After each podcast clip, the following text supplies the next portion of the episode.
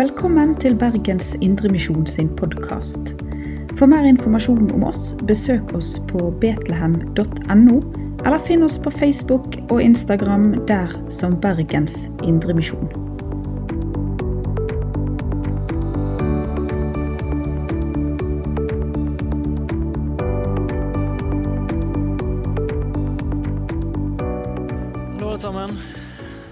God morgen og god søndag. Takk, eh, Øystein, for eh, at du minner oss på dette med evangelisering. Jeg vil- bare dele i, eller, i lys av det eh, Når min far kom til tro, så gikk han gjennom sentrum. og bare det sto noen og sang lovsanger på gaten, så måtte han gå rundt kvartalet. For han sånn, stakk sånn i hjertet, sa han. Så det, Man vet liksom ikke helt hvordan en persons reise til tro er. Men det vi vet, er at evangeliet det er Guds kraft til frelse. Så det er alltid stort og viktig å være frimodig og dele evangeliet. I dag så skal eh, jeg tale over søndagens prekentekst. Det er Lukas 18, vers 35 43. Jeg leser. Da Jesus nærmet seg Jeriko, satt en blind mann ved veien og tigget. Mannen hørte at det var mye folk på veien, og spurte hva som sto på. De svarte ham, Jesus fra Nasaret kommer forbi. Da ropte han, Jesus, du Davids sønn, ha barmhjertighet med meg. De som gikk foran, snakket strengt til ham og ba ham tie. Men han ropte bare enda høyere, du Davids sønn, ha barmhjertighet med meg. Jesus stanset og ba om at den blinde skulle føres til ham. Da han kom nærmere, spurte Jesus ham, hva vil du jeg skal gjøre for deg? Han svarte, Herre, la meg få synet igjen. Jesus sa til ham, Bli seende, din tro har frelst deg. Straks kunne han se, og han ga seg følge med Jesus og lovet Gud. Og hele folkemengden som så det, lovpriste Gud.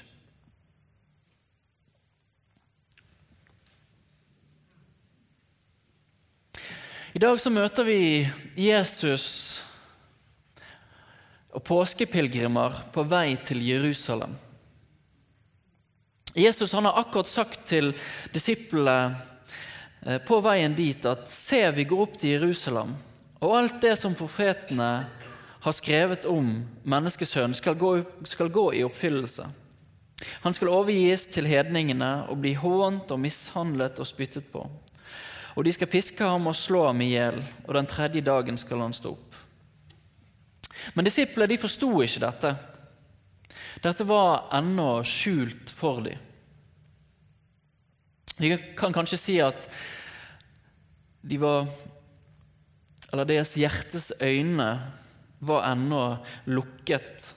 Hadde ikke blitt åpnet for det mysteriet som skulle utfolde seg i Jerusalem denne påskehøytiden. Og På denne vandringen til Jerusalem så kommer Jesus og følger nå mot Jeriko. Og Det er i denne byen eh, skal, eh, Jesus skal møte hva var det slemmingen Sakkeus, som vi sang. Han som klatra opp i morbærtreet. Og Det er òg en historie om en som fikk se.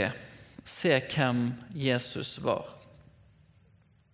Men i dagens tekst, på vei inn mot Jeriko, så hadde en blind mann satt seg ned ved veien og satt der for å tigge. Og Det var sikkert et veldig godt sted å tigge. Det var kanskje spesielt i denne, Nå som det gikk mot påskehøytiden, så satt han der ved veien ved Jeriko. Litt sånn som en lite, liten historieparentes. Ved katedralskolen ved Domkirken i Bergen så var før så lå det et fransiskanerkloster der. Og Det var da en tiggerorden. Det var meningen at de skulle tigge for å få penger. Og han sto akkurat der fordi at hovedveien forbi byporten gikk der.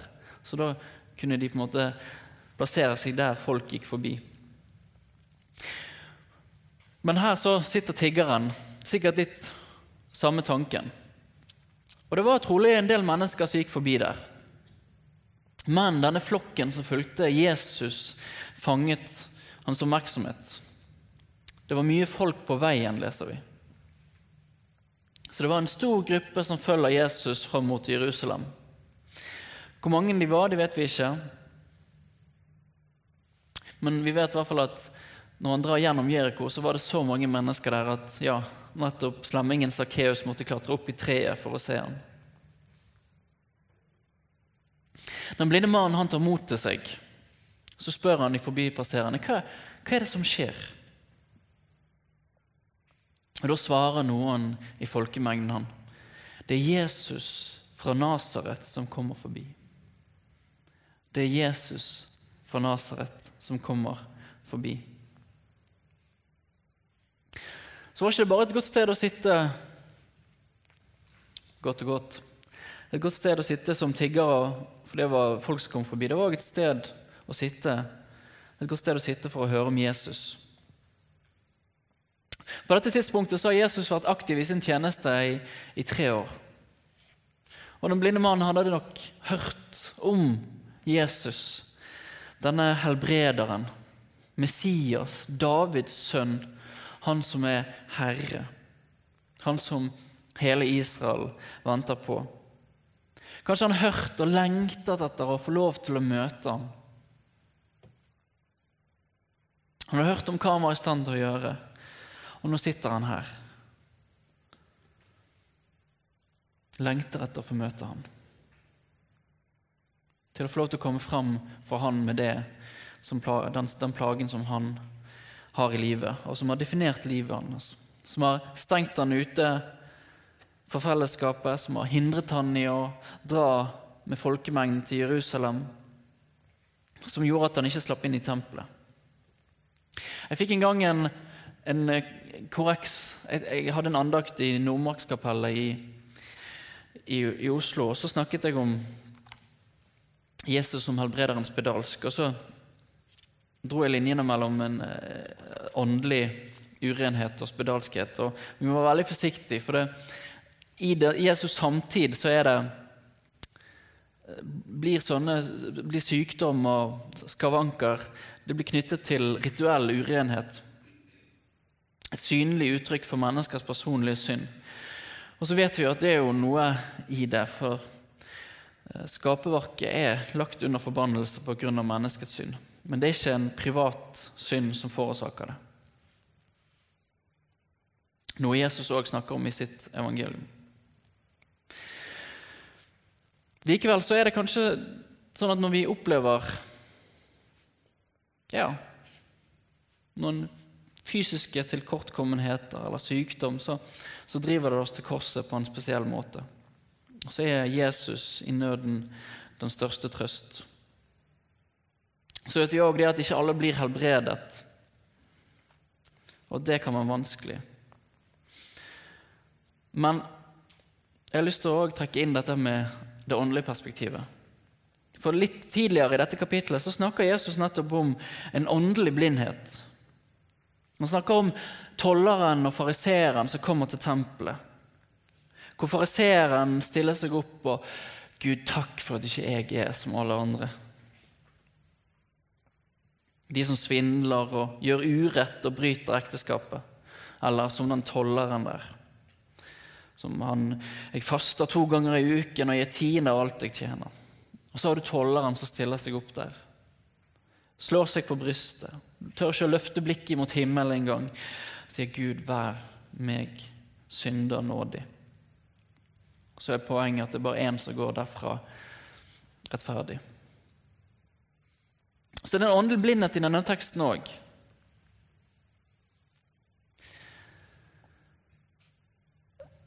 Det er en, en fysisk blindhet som rammer enkelte, men det er en åndelig blindhet som rammer hele menneskeheten. Så rammer den oss på flere måter. Både at vi ikke ser vår egen situasjon, vårt eget behov for en frelser.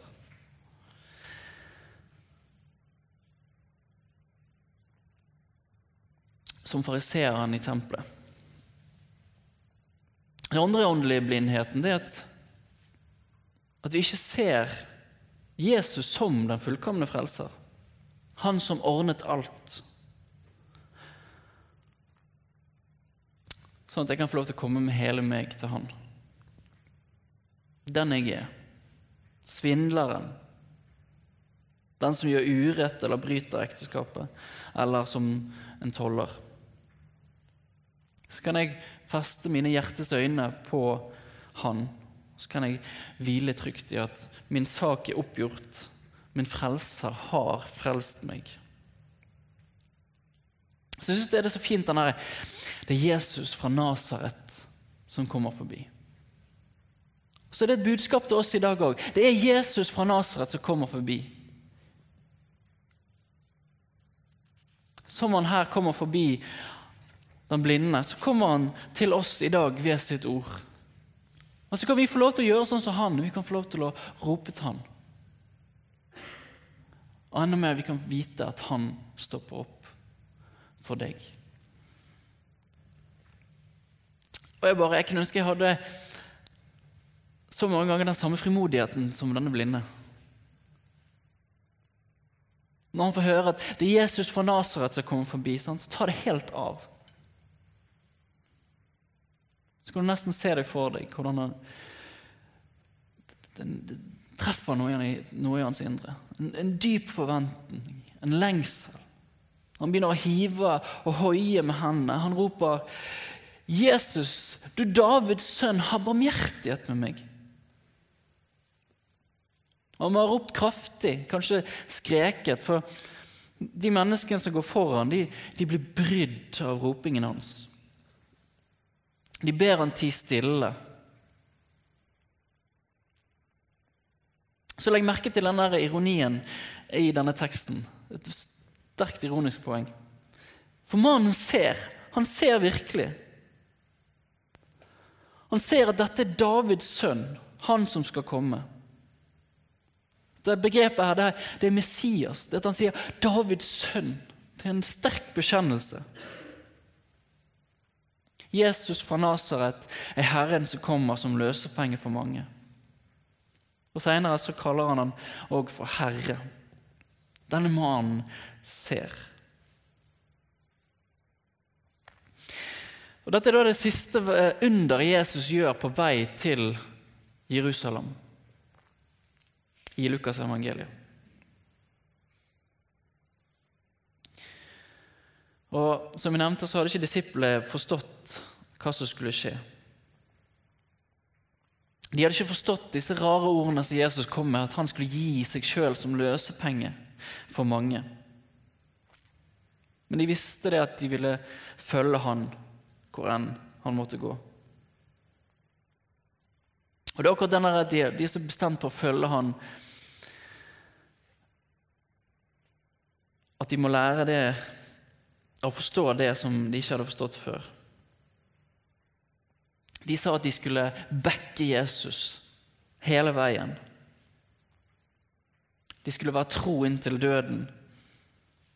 Men så er resultatet det at alle som en, de overgir ham. De flykter. Så får de lov til å se det at de sjøl hadde en skyld som måtte betales og at deres mester, deres herre, måtte betale den. Og Det er noe vi alle sammen får lære hvis vi følger Jesus. Hvis vi virkelig følger Jesus, hvis vi gjør godhet og kjærlighet til Herre i vårt liv uten forbehold, så vil vi forstå at det ikke er det som er veien til Gud. For den veien den vil ta slutt før vi når målet. Og så står det et svell mellom oss og Gud. Det er kun Jesus som kan bygge den veien over gapet. Og det er noe vi må lære mange ganger. Men det er noe vi ikke kan lære før våre øyne blir åpnet så vi ikke ser hva vi sjøl klarer. og det han har gjort for vår skyld i vårt sted. Vi vet ikke hvem som sier til denne mannen hvem eh, som sier at han skal tie stille. Det er mulig det er disiplet, for også tidligere i dette kapittelet så er det disiplet som, som sier at eh, disse barna må gå vekk fra Jesus. Og Så sier Jesus nei. La de små barn komme til meg. La de fattige, syke, blinde komme til meg. Kom til meg, alle dere som roper til Gud om barmhjertighet.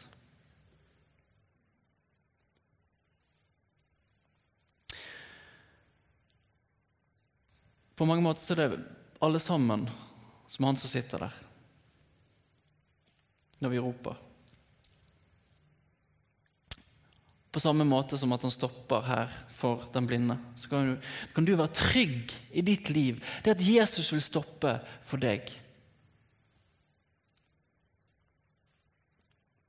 I vår tekst, når folk kjefter på han, så bare roper han enda høyere. Du Davids sønn, ha barmhjertighet med meg.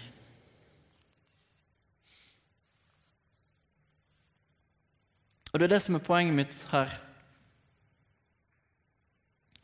Det er at du òg kan få lov til å rope til han. Rope til han for det som rører seg i ditt liv. Så skal du se at om alle mennesker i verden ber deg slutte med det, så vil Jesus fra Nasaret ta seg tid til deg. Vi leser her at han stopper opp og ber om at den blinde skal komme til han. Kaller han til seg. Og På samme måte så kaller han alle syndere til seg i dag. Kom, kom til meg, alle dere som strever. Dere som er fattige i ånden, kom til meg. Jeg vil gi dere hvile. Jeg vil gi dere trøst. Jeg vil gi dere frelse. Jeg vil åpne deres hjertes øyne. Så leser vi i vers 40 da han kom nærmere. Han kom nærmere Jesus. Og det har en sterk sterk symbolikk i Lukasevangeliet. Det er forbundet med frelse. Å få lov til å komme nærmere Jesus. Trekke nær til Jesus, være hos han. Ha sin trøst og trygghet hos han. Og På samme måte som at den blinde her kommer nærmere Jesus, så kan vi få lov til å komme nærmere han i dag. Så spør Jesus han, 'Hva vil du at jeg skal gjøre for deg?'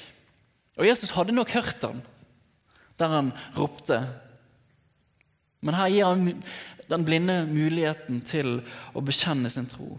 Han svarer, 'Herre, la meg få synet igjen'.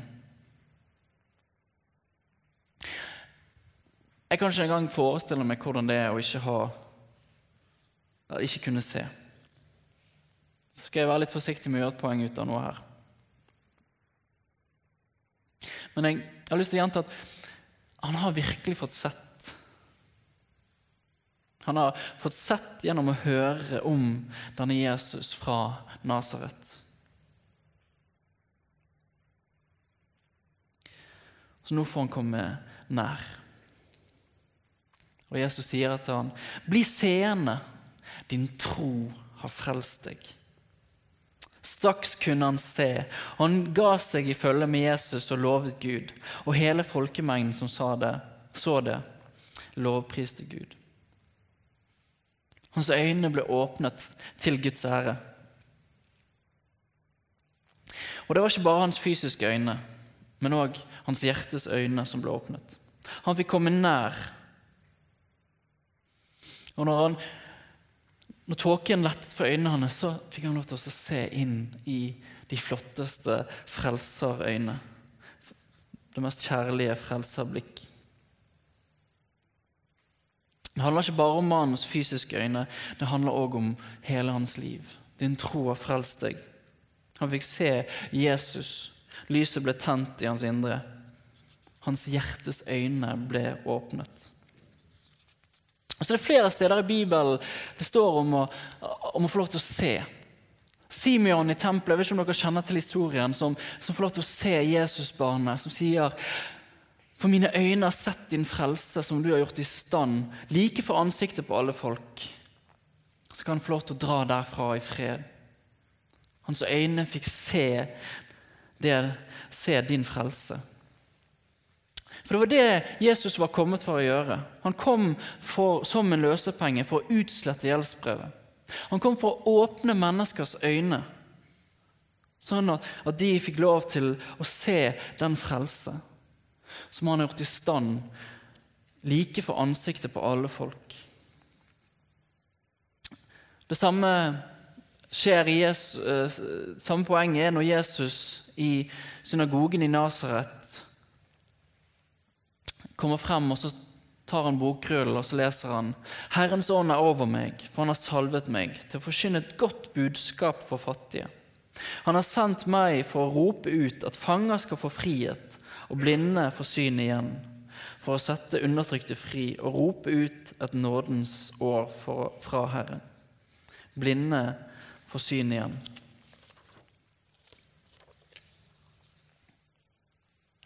Og Det var det den blinde her virkelig fikk kjenne. Et nådens år for Herren. Og så er det stort at det skjedde et under her, at han fikk lov til å se. Men enda større er det at hans hjertes øyne ble åpnet. Og Ved evangeliet så kan vi få lov til å smake den samme nåden i dag. Så er det noe med de der helbredelsesfortellingene som, som kan være litt vanskelig. Jeg, jeg synes i hvert fall det. For vi ber jo i dag òg. Så er det ikke alltid vi opplever helbredelse. Jeg har vokst opp i Leve Nord, og det er liksom spesielt i disse dager med den podden som er ute. Eh, og Der blar mantraet 'bare du tror nok'. Bare du tror nok, så blir det en helbredelse. Så leste vi i dagen eh, Eller det er ikke sikkert dere leste, men jeg leste i hvert fall. Om Andreas eh, Gravdal, en ungdomsarbeider som jeg husker ganske godt egentlig fra tiden i Leve Nord, selv om jeg var ganske ung da. Eh, han snakker om dette helbredelsesfokuset. og sier, Han sier noe som er utrolig bra. Jeg vil bare lese det.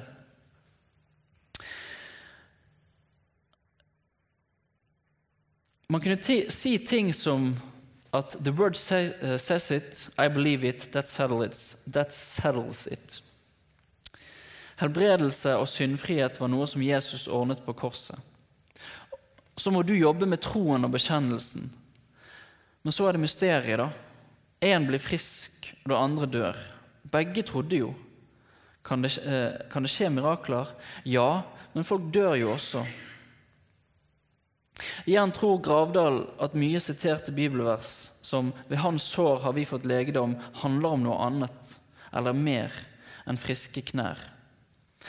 Kan det hende at den største helbredelsen som har skjedd, er at du har fått fred med Gud?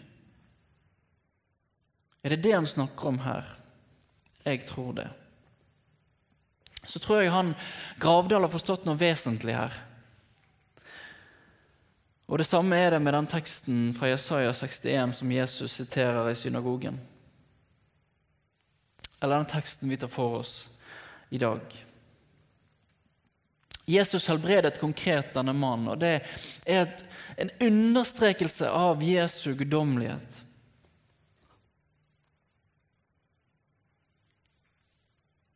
Men det at den blinde her får syn igjen, handler om noe mye, mye mer. Det handler om at han fikk se Jesus. Jeg vet ikke hva som skjedde med han etterpå, men han ble vel med følge til Jerusalem. Og Der fikk han se hva Jesus gjorde på Golgata. At straffen ble lagt på han for at vi fikk fred med Gud så er det et budskap som vi kan få lov til å hvile i. Det er noe som står fast. Et budskap som holder i liv og død. Så ber vi til Gud om helbredelser. Men enda mer så ber vi om at Gud må åpne våre hjertes øyne, så vi kan få lov til å se hvem Han er, og hva Han har gjort for oss. For det er det som er det største miraklet i denne teksten. Ikke bare at mannen fikk se, men at han fikk se Jesus. Så er det et fantastisk mirakel hver gang et menneske får se seg sjøl, sin egen synd, og så får se Frelseren Jesus. Sånn som, sånn som tolleren i tempelet. Eller som Emmaus-vandrerne, Så òg en tekst om det å få se.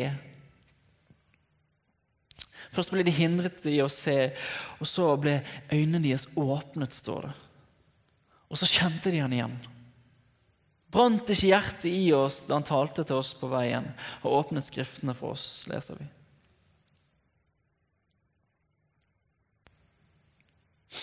Jeg vil bare sånn avslutningsvis, avslutningsvis beklager, lese en bønn eh, fra Bo Gjerts som jeg syns var veldig fin. Herre Jesus, forbarm deg over meg. Jeg sitter her som den blinde ved veikanten utenfor Jeriko og ber om din hjelp. Herre, la meg få se. Herre, hjelp meg å se det som jeg aldri kan se og forstå om ikke du rører ved mine øyne. Hjelp meg å se meg sjøl i det lys som kommer fra din fars trone. Og hjelp meg å se deg, alt du har gjort i Skriftens klare lys, slik at jeg forstår hva som er meningen, hvorfor det var nødvendig, og hva du har gjort. Jeg ber ikke om å få se det alt på en gang. Jeg ber om å få følge deg, og at du lar meg få være en disippel som dag for dag får høre og se det som jeg best behøver. Jesus, Davids sønn, forbarm deg over meg. Så la oss være som den blinde mannen som får sine øyne åpnet og gir seg i vei med reisefølge. Som blir med til Jerusalem, som ser sin Herre dø for verdens synd, for din og min synd. Vær med å se Han som står opp igjen, slik som Emmaus-vandrerne. Se sånn som Simeon i tempelet, som drar derfra i fred. For han har sett Guds frelse. Se at Gud har gjort alt ferdig. Amazing grace. I was blind, but now I see. Skjermiske far, jeg bare takker deg for at du sendte din sønn til jorden til soning for våre synder. Må du åpne våre hjertes øyne dag for dag, så vi kan mer og mer få lov til å se dette fantastiske underverket du har gjort for oss. Må vi bare få lov til å bli mer og mer kjent med deg, Jesus. Må dette budskapet være til trøst for oss i alle livets situasjoner. Og Så ber vi deg òg for alle i vår forsamling som måtte lide med et eller annet, eller gå gjennom et eller annet. Gode Gud, vi vet at du ser til dem. Vi ber om legedom, helbredelse og styrke og trøst, hva enn folk måtte gå gjennom. I ditt navn. Amen. Du har lytta til Bergens Indremisjon sin podkast. For mer informasjon om oss, besøk oss på betlehem.no, eller finn oss på Facebook og Instagram der som Bergens Indremisjon.